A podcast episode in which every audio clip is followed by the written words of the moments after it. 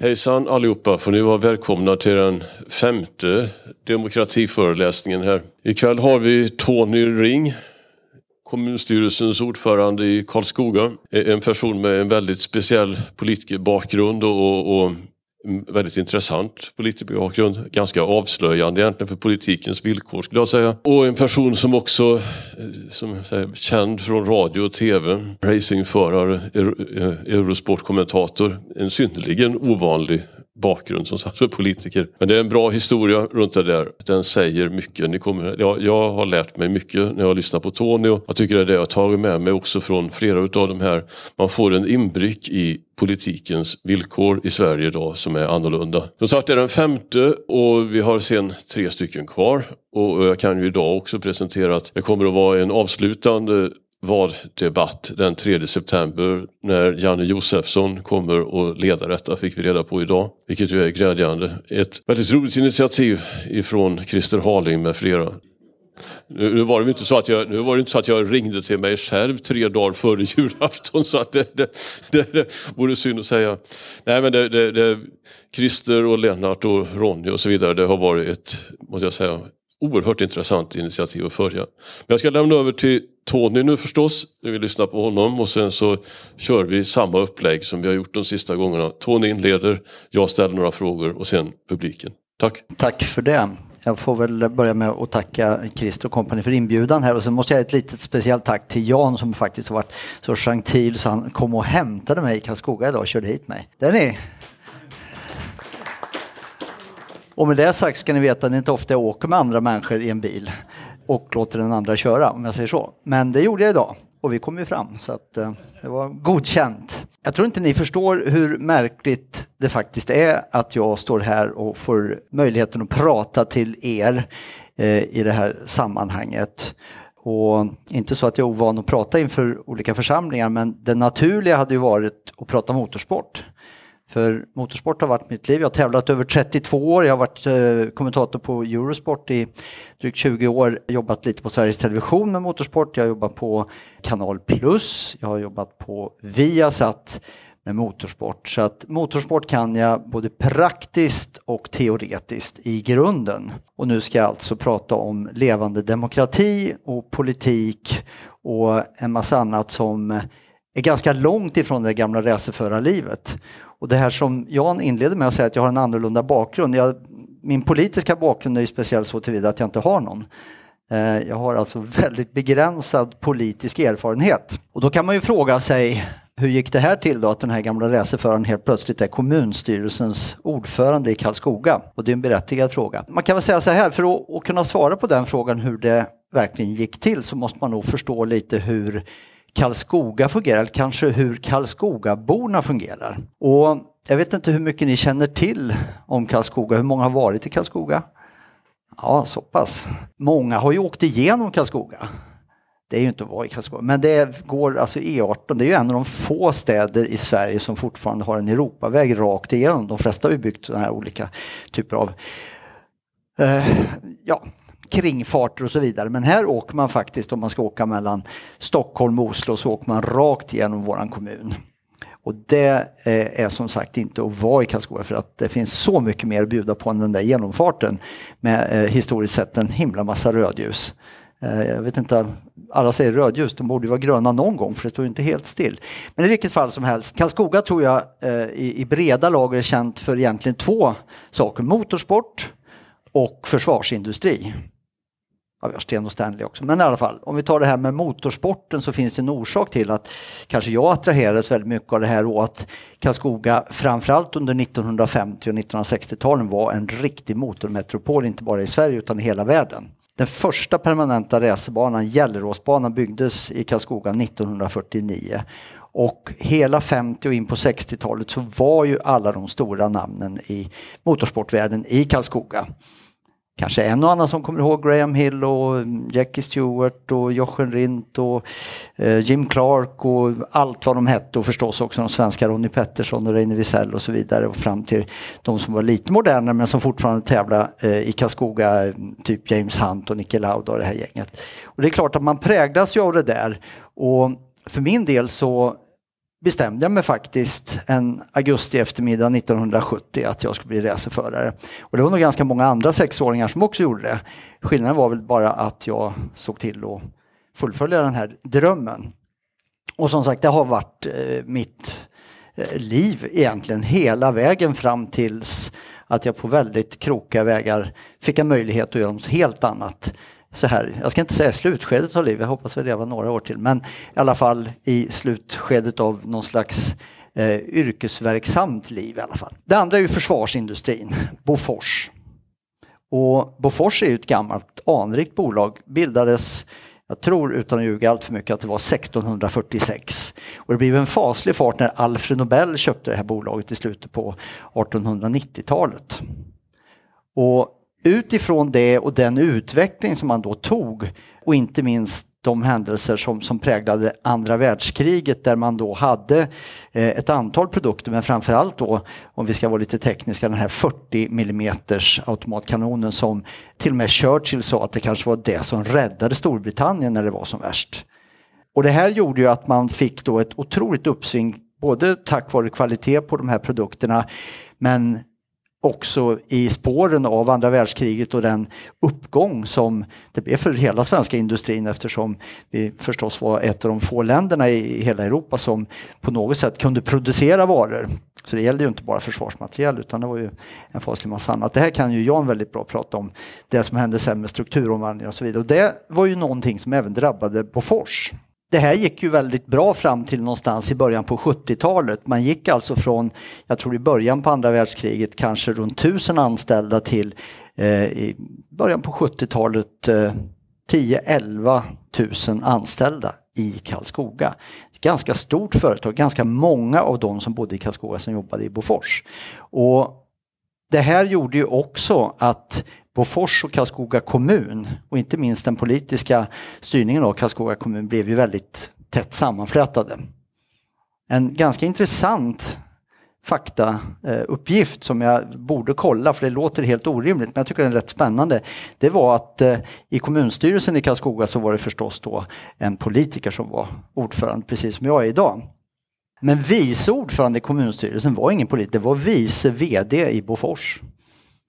Och det är klart att när den stackaren skulle leda ett politiskt möte när han KSO var förkyld så blev det kanske som det blev. Men det är ganska tydligt hur väl de här två eh, på något sätt arbetade tillsammans och man var beroende av varandra. Och då börjar vi komma in på det här som, som eh, faktiskt på något sätt leder till att jag står här idag. Och det är ju det att ni kan ju tänka er med en stor stark industri, en bruksort, ett väldigt starkt metallfack och den här kopplingen till kommunen. Det var kanske inte så konstigt att det var ett och samma styre som regerade Karlskoga år ut och år in. Kommunfullmäktige i Karlskoga bildades 1919 och fram till den 9 september 2018 så var det ett obrutet socialdemokratiskt maktinnehav. Det var aldrig något annat politiskt styre. Och det är klart att om nu något annat parti som då i mitt fall Moderaterna här funderar på att det där kanske vi skulle göra någonting åt. Så vet jag inte om man ska säga att det var en järv idé eller om det var helt vansinnigt egentligen på pappret i alla fall och kalla in en pensionerad racerförare helt utan politisk erfarenhet och stå etta på listan och försöka leda det här partiet till den första segern på hundra år. Men så blev det i alla fall. Och det finns väldigt mycket att säga om hur det gick till. Jag ska inte trötta ut er med det egentligen men det jag kunde bidra med, för att det var verkligen så. Jag har alltså ingen bakgrund i något politiskt ungdomsförbund. Jag hade liksom inte jobbat med politik på det sättet. Så jag hade kört racerbil precis hela mitt liv. Och det jag faktiskt kunde tillföra som man av naturliga eh, skäl och anledningar inte hade i det här partiet så var det faktiskt och veta hur man gör när man ska vinna någonting.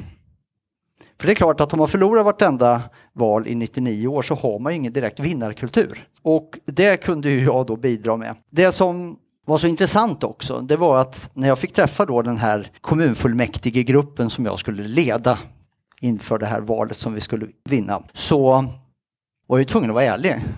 Jag träffade dem och sa så här, ja, jag har ju uppfattat att ni är väldigt duktiga politiker och habila i det som ni sysslar med till vardags. Men bara så ni förstår det så är ni ett gäng losers. Ni är ett gäng förlorare. Och det är klart att stämningen var inte på topp. Det var en och annan som tyckte liksom så här, men det är väl inte alls det. Jo men ni, ni förlorar ju alltid. Nej men vi fick ju igenom en motion 1986. Ja, men det är ju inte att vinna på riktigt. Vad sägs om att vinna ett riktigt val och faktiskt kunna på något sätt realisera alla goda politiska idéer som ni ändå har? Ja men det går ju inte. Nej, varför går det inte det då? Ja men alla är ju socialdemokrater. Ja men det vet jag väl. Det är Karlskoga. Alla är socialdemokrater. Det, är liksom, det hör till med den här historiken. Men vad säger ni om att vi tar och gör någonting som är så bra så att alla socialdemokrater röstar på oss istället för Socialdemokraterna? Och det var liksom det som var på något sätt grundanslaget i det här. Att tänk om vi skulle faktiskt bevisa oss och vara trovärdiga i att ja men Karlskoga är ju inte så tokigt idag, men det kan bli så himla mycket bättre om ni ger oss möjligheten att genomföra alla våra goda idéer. Och det var liksom det som hände. Eh, det var lite trögt i början. De flesta, liksom till och med och våra egna, förstod ju inte det här först, men efterhand så började det liksom sakta men säkert närma sig någonting som gjorde att när vi väl kom fram till valdagen så var alla taggade och visste att nu kommer vi att vinna. Jag började samtidigt som jag träffade det här gänget då och talade om att de var ett gäng förlorare och skriva upp 1346. Det här var då första januari 2015. 1346, vad är det? Antalet dagar tills vi ska vinna valet. Sen var vi där varje dag och räknade ner så att när vi väl kom fram den här sista veckan inför valet så var ju alla så taggade på att bara ta bort de där sista och sen skulle vi vinna valet. Och det är klart, det var rätt gött sen när man stod där och sprutade champagne. Och inte bara det att vi tog någon sån här seger att vi kunde tillsammans med massa andra regera utan hur otroligt osannolikt den kunde låta några år tidigare så är alltså Moderaternas största parti i Karlskoga. Vi är större än Socialdemokraterna som enskilt parti. Och det var väl liksom lite dit som jag såg att vi kunde komma. Men eh, det, det, krävdes lite övertalning för att få med liksom hela gänget tills vi landade i det här. Då är det ju en sak att vinna när man har vunnit valet. Då kan man liksom tänka sig, jaha, vad gör vi nu då? Vi har vunnit val. Vi hade gjort ett otroligt gediget arbete under tiden. Vi hade ett och ett halvt år före valet haft ett stort dialog café där vi bjöd in alla sådana här som ni vet, ni har säkert samma här i Lerum, man har massa folk som eh, tycker och tänker, de skriver insändare och de står på torget och så. De är inte politiskt engagerade men de tycker och tänker väldigt mycket och väldigt många med bra idéer för ens kommun. Och de där samlar vi salig blandning av folk och sen så fick man då en hel dag där man körde fyra pass där man då fick möjlighet att träffa då i det fallet andre vice ordförande i de olika nämnderna som vi hade, för det var ju den position som man har i opposition. Och sen så utifrån alla input, jag tror vi fick, jag skojar inte över, strax över 400 helt slumpmässigt valda förslag som vi kunde sammanställa. Och om man tar de där 30 vildaste, chokladfontän på torget och allt vad det var, så det kunde man ju skippa på en gång. De 30 enklaste, de kunde vi ju faktiskt, till och med fast vi var opposition, be någon säga, men fixa det där. Men det där som var i mitten där, det var liksom det som var grunden till det politiska program som vi hade. Och med tanke på att det var så många som fick tycka så mycket och vi ändå fick ihop det till någonting som eh, vi visste var accepterat i breda lager och som faktiskt var någonting att gå till val på så var vi ju ganska säkra på att talar vi om att vi ska göra det här och så röstar de på oss och som där vi är idag så har vi gjort allt det här. Ja, men det ska mycket till om vi inte faktiskt ska kunna göra samma sak fast gärna med några mandat ytterligare nu i september i år. Och det är där vi är. Vi har haft en fantastisk utveckling ska jag säga. Alltså det som man kanske inte tänkte på det var ju att det fanns en otrolig potential i Karlskoga när vi tog över 2019. Och den hade ju funnits en tid men jag tror inte riktigt att man oavsett partitillhörighet och vem som har styrt så här. Om man har hållit på med någonting i 99 år Alltså man är ju inte så riktigt på topp när man går till jobbet igen då, in på hundrade året och liksom, det blir lite samma samma. Vi var ju ganska entusiastiska så liksom, när de då efter alla dessa år i opposition äntligen fick göra allting de hade drömt om under de åren som de har varit aktiva. Det blir ju ett bra drag. Och vi tog då det här politiska programmet och trattade ner till 70 skarpa förslag som vi skulle göra. Och då sa vi, ja men det där gör vi ju lätt på 100 dagar. Och sen kom jag att tänka på han den där Fridolin, han pratade om att man skulle fixa skolan på 100 dagar. Det blev pannkaka. Så det lät inget bra med 100 dagar för jag vill liksom inte bli förknippad med honom. Så vi, vi gjorde det på 200 dagar. Men vi var klara efter 100. Men vi presenterade efter 200 att nu är det klart. Så vi kunde liksom bocka av alla de där grejerna. Men det som kanske var viktigast eftersom jag tror att en otroligt väsentlig del i det som vi kan påverka är ju faktiskt att se till att vi fyller på pengapåsen, att vi kan göra mer det som är vårt huvuduppdrag med vård, skola omsorg och sånt där, men inte höja skatten utan det är bättre att det flyttar in mer personer till Karlskoga och på så sätt så fyller vi på. Och det som vi hade ett problem med i Karlskoga här för, ja det har vi egentligen haft i, i nästan tio år, det är att vi har bostadsbrist. Och då ska man veta att efter då den här gigantiska strukturomvandlingen som pågick fram till kanske i Bofors fall 2005, typ, så i slutändan av det så rev man över 1500 lägenheter. För det fanns ingen som ville bo. Man tappade väldigt mycket i befolkning. Och därför var vi tvungna att liksom börja på ny kula. Och idag kan jag säga att vi bygger alltså mer än vad man gjorde i början på 1970-talet. Och vi har alltså ett positivt, första gången på 40 år förra året som vi hade fler som flyttade från Örebro till Karlskoga än tvärtom. Det har inte hänt på 40 år. Så att vi har lyckats på något sätt vrida runt det där och det är ju för att vi har börjat bygga nytt och vi bygger attraktivt och vi bygger väldigt diversifierat. Alltså det är hyreslägenheter, bostadsrätter men också olika typer av egna hem. Sålt väldigt mycket tomter också. Vi har en, en sjö mitt i, i stan som tack vare en gammal Eh, översiktsplan fortfarande kan bygga ganska nära vatten, vilket är bra. Så att eh, vi har liksom lyckats att få den här positiva trenden med fler som flyttar in än som flyttar ut. och så har det inte varit på väldigt länge. Någonstans är det ju så här också att det var inte så svårt att se att det här var möjligt för att vi till skillnad från väldigt många andra kommuner i vår närhet som då ligger nära en stor stad. Vi ligger ju ganska nära både Karlstad och Örebro så brukar det vara så att de här mindre kommunerna är rena sovstäder. Alltså man bor där och sen så åker man till huvudorten och så åker man tillbaka. Eh, I vårt fall så har vi alltså en arbetsinpendling på nästan 4 500 personer. Alltså folk som åker till Karlskoga, jobbar åker någon annanstans och betalar skatt. Tycker jag är en jättedålig idé. Det är klart de ska bo i Karlskoga när de ändå jobbar i Karlskoga. Så det där håller vi sakta men säkert på och bryter i.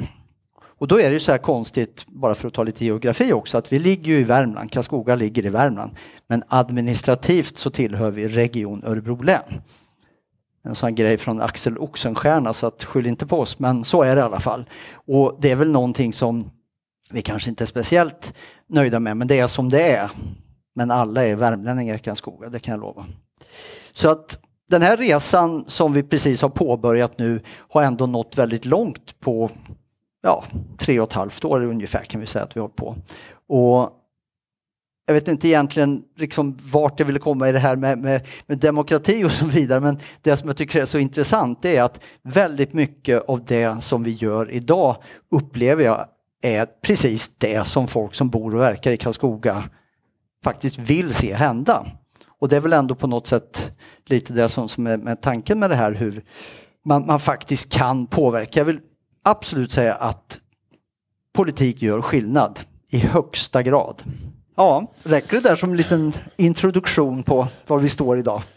Det gör det väl. Men, men en sak som jag skulle uppskatta att du utvecklade, det var det som du berättade för mig om hur du kom in i politiken och fick se det här politiska klimatet där allting tog tre gånger så lång tid och, och hur du den vägen, alltså själva vägen in. Därför att, att du är Ja, det kan vi ta sen. De här enorma likheterna som jag hör med dig och Stig Henriksson och Torkel Strandberg. Men, men den här vägen som du socialiserades in i politiken, jag tycker den är jätteintressant egentligen. Ja, jag kan börja med att säga att, att det är ju det här som jag sa att det är lite märkligt att stå och prata. Nu pratar vi om Stig Henriksson och Torkild Strandberg och, och jag vet att Vidar Andersson ska, alltså det här är ju politiska ikoner. Och det blir lite konstigt för en gammal racerförare att stå liksom på något sätt jämföras med de här även om vi vet att vi på olika sätt har stuckit ut lite utifrån och vara sådana partier som kanske normalt sett i en sån kommun som man verkar i inte ska ha så stort stöd. Och det är lite spännande i sig. Nej, men jag kan säga så här, anledningen till att jag överhuvudtaget överhuvudtaget engagera mig politiskt. Vilket alltså, det var ingenting som jag tänkte så här att nej, nu ska jag sluta köra racerbil och så kanske man kan bli politiker. Utan det var att jag blev så oerhört trött på politiker. Det var liksom där det började. Och det som hände var att eh, jag flyttade från Karlskoga 1981 och sen var jag borta egentligen hela min karriär.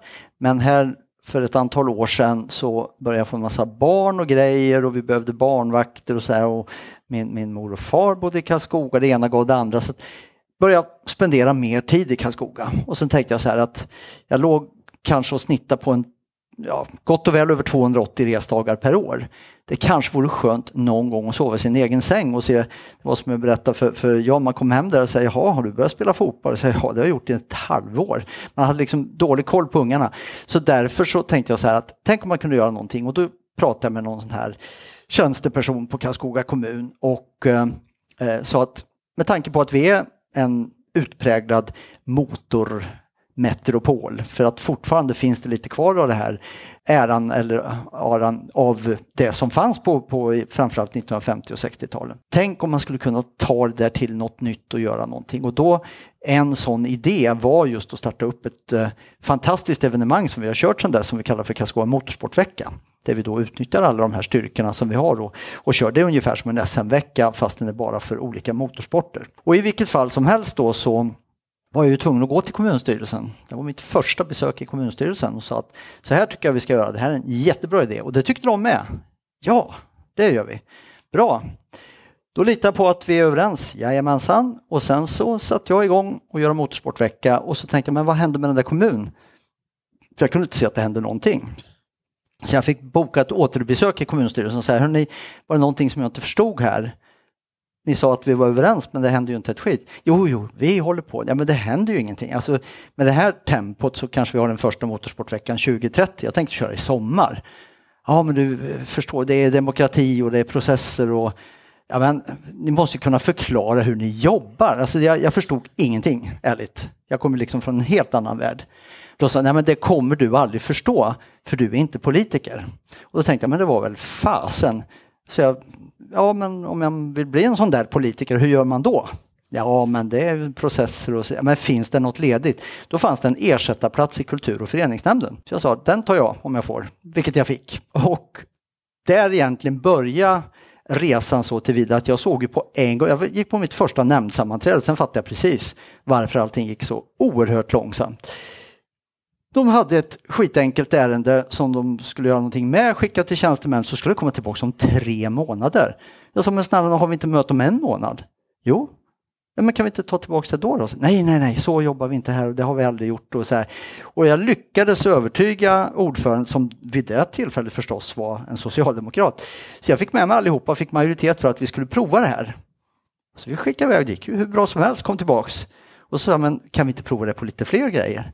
Så helt plötsligt så hade vi en nämnd i Karlskoga kommun som gick liksom tre gånger så fort som övriga kommunen. Och det här vart ju liksom lite eh, omtalat. Det var där det började. Och utifrån det så sa jag, men kan du inte stå på kommunfullmäktigelistan?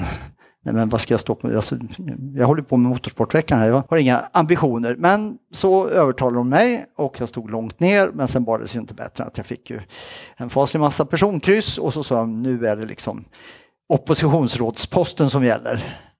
Och jag visste inte vad ett oppositionsråd gör. Jag hade ju som sagt bara varit inne i det här kommunhuset två gånger. Men jag tog det efter, jag tror jag tackade nej tre gånger. Sen tog jag det. Och det var just med tanke på att vi skulle göra någonting. Jag behövde ha en utmaning. Och då tänkte jag så här, men det här hade ju varit lite fränt eftersom Socialdemokraterna skulle fira sitt 100-årsjubileum 1919, eller 2019. Då tänkte jag att det där vore ju jäkligt kul att få vara värd för och bjuda in dem istället för tvärtom. Eh, och så blev det. Så att någonstans så började det här i en frustration över att jag tycker det gick väl långsamt och att vi andra som jag vet inte om ni är politiker eller medborgare, men, men någonstans där att nej men ni kan aldrig förstå. Det skulle vara liksom lite fint att vara politiker. Jag tyckte det var en väldigt märklig syn. Och eh, nu har jag provat att vara politiker ett tag. Jag kan lova att det är ingen skillnad så, utan det är bara kanske en liten viss temposkillnad i hur man ser på saker och ting. Att det, det, behöver inte ta så faslig tid och det kan fortfarande vara i högsta grad demokratiskt och med delaktighet och så vidare. Men bara ha det som någon slags ursäkt för att saker och ting i den kommunala världen ska ta sån himla tid. Det tycker jag är helt fel. Och, och varifrån tror du då att det kommer den här kulturen att det ska ta en sån fantastisk tid? Det här som de kallar för processer i politiken. Var, var, var, var kommer det? Nej, jag har inte en aning. Jag tycker det är jättekonstigt. Jag förstår ju grundtanken att man inte ska hasta igenom någonting och just med tanke på att det är viktigt att alla på något sätt får delaktighet och att man är med och att man gör processen ordentligt. Men det behöver ju inte gå till sån extrem överdrift. Och det här ska jag säga, det får vi mycket kritik för från oppositionen. För de kommer ju på att det vi har gjort nu på tre och ett halvt år, det hade de ju liksom behövt 20 år på och då blir de lite sura och, och tycker att Alltså de tycker egentligen inte att det vi gör är dåligt, de tycker bara att vi gör det alldeles för fort. Och det är ju mer utifrån att de kanske inte riktigt mäktade med det. Och det, nej men det är lite besvärande så tillvida att det är egentligen deras enda politiska inriktning att de säger att ja, det vi gör, alltså det blir ju kanske inte mycket att gå till val på. De ska stå på torget och säga att ja, men det är de här som styr nu gör det ju faktiskt riktigt bra. Men vi tänkte om vi kunde göra det på halva tiden, liksom, dra ut lite på det. Jag tror inte folk tänder på den idén. Nu uppstår frågan varför, varför är det så få utifrån höll på att säga utav din typ eller eh, för min del min egen. Varför är det så få utifrån som kommer in i politiken? Ja, jag tror att man har en bild av att man ska liksom ha den här, det är ju det som är lite kul att, kunna visa att man behöver inte ha den här långa skolningen från något ungdomsförbund eller kanske något studentförbund och man ska hålla på och tugga i alla led och så här. Utan man kan faktiskt med lite friska idéer komma in och göra skillnad på riktigt. Sen tror jag att det kan vara till viss del jäkligt bra att komma in med lite friska ögon och inte ha varit en del av det här systemet hela tiden utan man faktiskt kan titta på saker och ting. Mitt första år där, det var ju ingen som, som ifrågasatte, de visste ju vad jag hade gjort hela mitt liv. Att jag ställde en lite halvkorkad fråga för någonting som jag inte förstod, det var liksom helt okej. Okay. Och det gör ju också att man börjar tänka på ett annat sätt. Jag tror det är jätteviktigt. En annan sak som var viktigt för att få ihop den här gruppen som jag då hade äran att leda, förlorargänget, det var ju det att jag kunde ju inte politik. Så jag var ju tvungen att få dem delaktiga i det jag skulle göra. Helt plötsligt så var jag ju alltså den näst viktigaste politikern eh, i kommunen så tillvida att jag var oppositionsråd för det största oppositionspartiet. Och det är klart som sjutton att har man ingen politisk erfarenhet då måste man ju ladda laget med alla som hade det här som faktiskt kunde hjälpa mig att göra det här. Jag har liksom inga problem att se vad vi behöver göra men man måste kunna det politiska hantverket. Och det kan jag lova att eftersom jag hade bestämt mig för att bli kommunstyrelsens ordförande när vi hade vunnit valet så tränade jag ganska hårt de här åren för att liksom komma in i matchen själv. För det var ju ganska viktigt. Nu har jag ingen att fråga, nu är man ganska ensam ska jag säga. Men eh, då gäller det att man har liksom gjort hemläxan.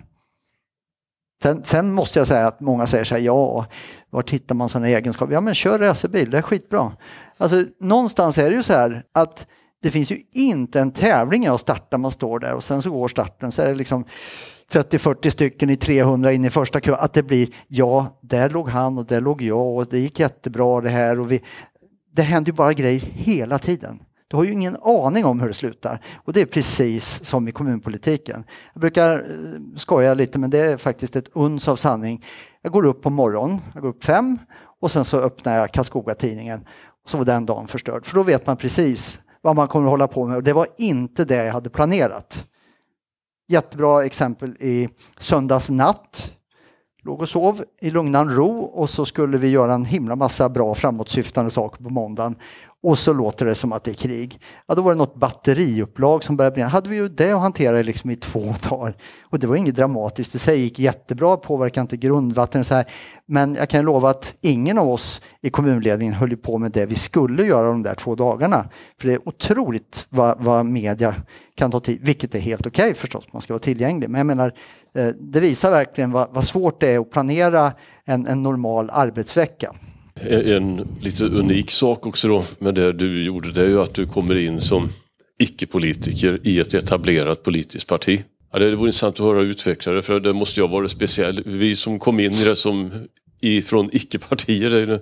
Men, men hur fungerade det? Nej, men det är klart att det fanns ju en himla massa folk som var ganska irriterade. Speciellt då när det råkade bli så att jag eh, kanske fick en möjlighet som de helst hade velat haft. Nu kan jag väl tycka att de hade haft den möjligheten en himla massa gånger i nästan hundra år. Då. Men det blir ju lite sådär för att det är ju fortfarande en och annan som tycker att de är mycket finare politiker och det är de säkert också. Men de får inte hälften gjort liksom så att någonstans så får man ju balansera det där.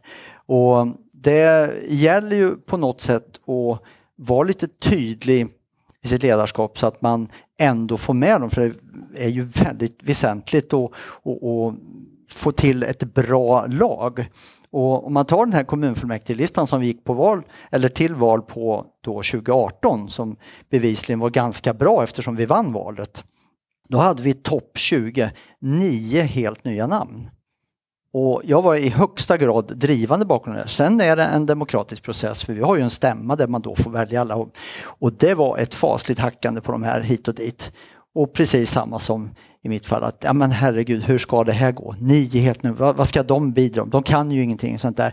Jag sa, nej men det kunde inte jag heller, det har ju gått hyggligt i alla fall. Och av de här nio så har vi till exempel kommunfullmäktiges ordförande idag. Hon gör ett fantastiskt jobb. Vi har ordförande i samhällsbyggnadsnämnden, han gör ett fantastiskt jobb. Och vi har några andra som har väldigt viktiga poster i socialnämnden och barn och utbildningsnämnden. Alltså det är helt nya människor som vi har skolat in under en mandatperiod som gör ett, vill jag påstå, ett riktigt habilt politiskt hantverk men samtidigt har andra erfarenheter som jag tror är otroligt viktiga att få in i det här. Hungriga människor helt enkelt. Mm. En intressant sak också det är ju hur ni öppnade politiken innan valet för intresserade medborgare. Påminner precis som det man gör i Landskrona där de har öppnat hela nomineringsprocessen i Liberalerna. Men det måste ha varit en ganska svår process att hantera också, eller? Nej, men alltså för mig var det nog inte det, men för de andra så, alltså man är ju så invand i att göra saker och ting på ett visst sätt. Och för mig var ju egentligen allting nytt så det spelar inte så stor roll om vi gjorde det på det ena eller andra sättet. Sen tror jag det här öppna, både, alltså alla processer men till exempel det här att vi har eh, i alla fall sedan jag fick börja som, som eh, oppositionsråd så står vi och pratar med folk på torget varje lördag. Vi finns där. Man kommer, ofta så pratar de om sånt som vi kanske inte kan påverka för det är mycket sjukvård och det är regionen och det är mycket E18 då förstås och det är Trafikverket. Men bortsett från det så kan de ju komma och prata om saker och ting som vi faktiskt kan påverka. Men just den öppenheten och just det här att vi alltid svarar, att man svarar på mejl, att man svarar i telefon, det låter ju helt givet att man ska bete sig så men utan att, att lägga någon värdering i det så kan jag säga att den tidigare kommunledningen gjorde inte det och det var många som var ganska irriterade på att liksom, det gick inte att få tag på någon och ställa bara en vanlig enkel fråga. Och det där tror jag är otroligt viktigt. Sen måste man ju vara beredd att ta det ansvaret. Man är ju aldrig privat. Alltså jag får ju frågor lördag kväll, söndag morgon, måndag kväll. Alltså det är ju hela tiden. Men jag tycker att de här åren som jag ska göra det här nu så är det lika bra att göra det bra. och Då kan man väl svara även om det är en lite konstig tid. Det kan vara en bra fråga. Ja, det är bara att konstatera också hur, hur likadant det är som ni säger. Det, det är det som jag lär mig så mycket av här också. Det, det, eh, jag kan också tänka på hur man själv tänkte att Nej men det, det, är centralt att man är närvarande, att man finns där, att man pratar med människor, att man identifierar. Och igen, alltså det, det är ju dumnisses fråga här då. Varför är inte alla politiker sådana?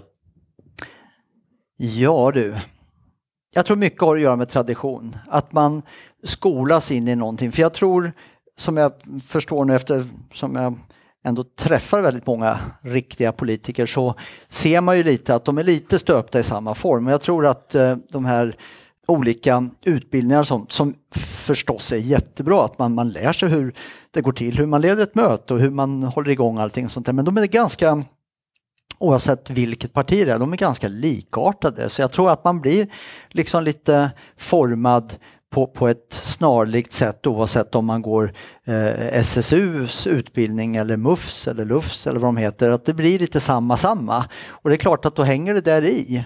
Och då man har den historiken och, och bakgrunden och så, så kanske det är svårt när man väl har kommit en bit på väg i sin politiska karriär.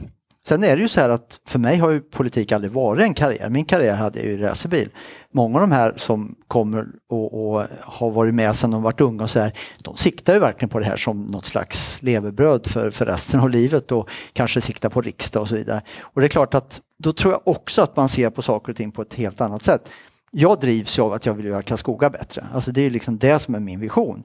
Jag kandiderar inte till riksdagen och sånt där, utan jag, jag finns bara på en valsedel och det är kommunfullmäktigelistan i Karlskoga kommun. Den ska vi vinna stort. Där ska det liksom till. Men det är ju för att vi ska kunna fortsätta det här arbetet i Karlskoga. Och det är absolut det som driver mig. Ska jag ta en sista fråga innan jag släpper in publiken också. Det här är det här med riksdagen. Vi pratade om det på vägen ner och, och utveckla den tanken du har kring riksdag och kommunpolitik gärna.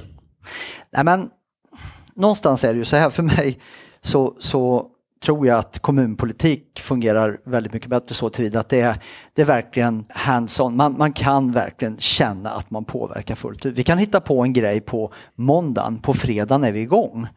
Så funkar inte riksdagen. Jag kan säga, jag har aldrig suttit i riksdagen men jag kan garantera att så funkar det inte där. Utan man sätter igång någonting och det ska hållas på och ut. Sen är det en annan grej och man ska väl ha någon slags ideologisk kompass och det ena med det andra. Men jag upplever att man tyvärr när vi kommer upp då liksom på nationell nivå drivs mer av ideologiska hänsyn att man måste på något sätt tycka på ett visst vis. Alltså jag har ju sagt det och det här är inget konstigt för det har jag sagt till Ulf Kristersson med att är det så att vi hittar på världens bästa grej i Karlskoga Ulf Kristersson tycker något annat så är det vad vi har hittat på i Karlskoga som gäller. Och han tycker det är helt okej okay, för han säger val vinns lokalt och det har ju vi bevisat. Så att det är liksom helt okej okay. och så måste det vara. För att det är ju där som vi faktiskt på fullt allvar påverkar de som bor och verkar i Karlskoga mest. Sen har vi de här stora besluten som vi pratar mycket om nu med försvar och polis och, och skatter, alltså det, det nationella planet. Men alltså det är en del frågor som är så mycket viktigare för vanligt folk som går där i Karlskoga kommun. Och det tror jag är viktigt att ha med sig att det kommunala självstyret och det vi kan påverka i Karlskoga det, det är faktiskt det som gör störst skillnad för vanligt folk. Okej, se här vad vi har för några frågor i lokalen. Börjar här, så tar vi Kristersen. Vilket jag kan säga är ganska intressant. Alltså det där har jag reflekterat mycket över. Att du har en valkampanj som är en vecka och i, i tre år och 51 veckor så, så Ja, det, det, kan ju inte vara en vinnande strategi. Men nu Nej, och, och, det är det inte. Jag ska säga, vi har en del företagare som, som eh, fick jag ju lära mig då tidigare som, som sa så här, ja ni är väldigt så här periodiska, ni återkommer alltid så här två veckor före valet och ska göra företagsbesök. Och därför har vi lagt upp ett, ett schema så vi träffar företag hela tiden. En grej som jag införde då direkt i januari 2019 det är att jag kör vi kallar det för kaffe med KSO. Och då träffar jag alltså i storleksordning 8 till 10 företagare över en frukost en gång i månaden. Och det gör att jag är uppe nu i, ja vi pratar ju om kanske 500-600, det var ju pandemin som ställde till det annars, men, men jag är alltså öga mot öga träffat i personliga möten, jag har gott och väl 500-600 företag. För inte nog med att jag träffar dem så, sen gör vi sådana här uppsamlingshit också en gång per termin när de också får träffa varandra. Och det här är ju inte tänkt som något så här nätverk för att göra affärer och så vidare utan det är mer bara för att visa att vi finns här, vi är inga farliga, det är bara att höra av er om det är något. Sen är det ju tusen gånger mer effektivt att gå till näringslivslotsen om man behöver hjälp med något än att ringa mig som inte kan något. Men någonstans så ska de ändå känna att vi tycker det är viktigt och de får gärna höra av sig. Det sista du säger är ju intressant också för det påminner nästan precis om den medborgardialogen vi hade i Göteborg om Skeppsbron. Eh, där man glömde att säga till medborgarna att det krävdes en detaljplan också. Och så fyllde alla Skeppsbron med de mest fantastiska saker så blev det absolut ingenting. Mm. Och det, det, är det absolut bästa sättet också att, att se till så att medborgarna är totalt ointresserade och desillusionerade och anser att politikerna bara föraktar dem. Jag blir arg när jag tänker på det. Men det är precis samma process du beskriver. Vi har hållit på ett bra tag och, och Tony är ju suverän att prata men kan vi ta någon fråga till om någon vill ha det. Annars så finns det ju frukt där ute och Tony kanske stannar ytterligare en stund. Inte om alla är nöjda, även Andrea och Christer och Conny och alla. Det är bra när han säger kanske stannar en liten stund. Han har väl kört mig från Karlskoga. Jag tänker inte gå hem om jag säger så. oh, nej, jag har ju nycklarna. Så att det, det... Ja, nej men det, det, ja, här har vi Christer och jultomte här med... Vänta, har vi en fråga? Bra, men då får vi väl tacka för det och så ta frukten här får vi se vad som sägs sen. Stort tack till Tony. Ja, tack för att jag fick komma. Tack, tack. Den enda talaren vi har haft som är med i en Disney-film, det är grejer alltså. Ja, jag är Ferrari-filmen i, i, bilar, ni vet en Disneys bilar. Jag var jättepopulär på dagis där några år. Så att, mm. Det måste ju vara varje pappas dröm. Stort tack!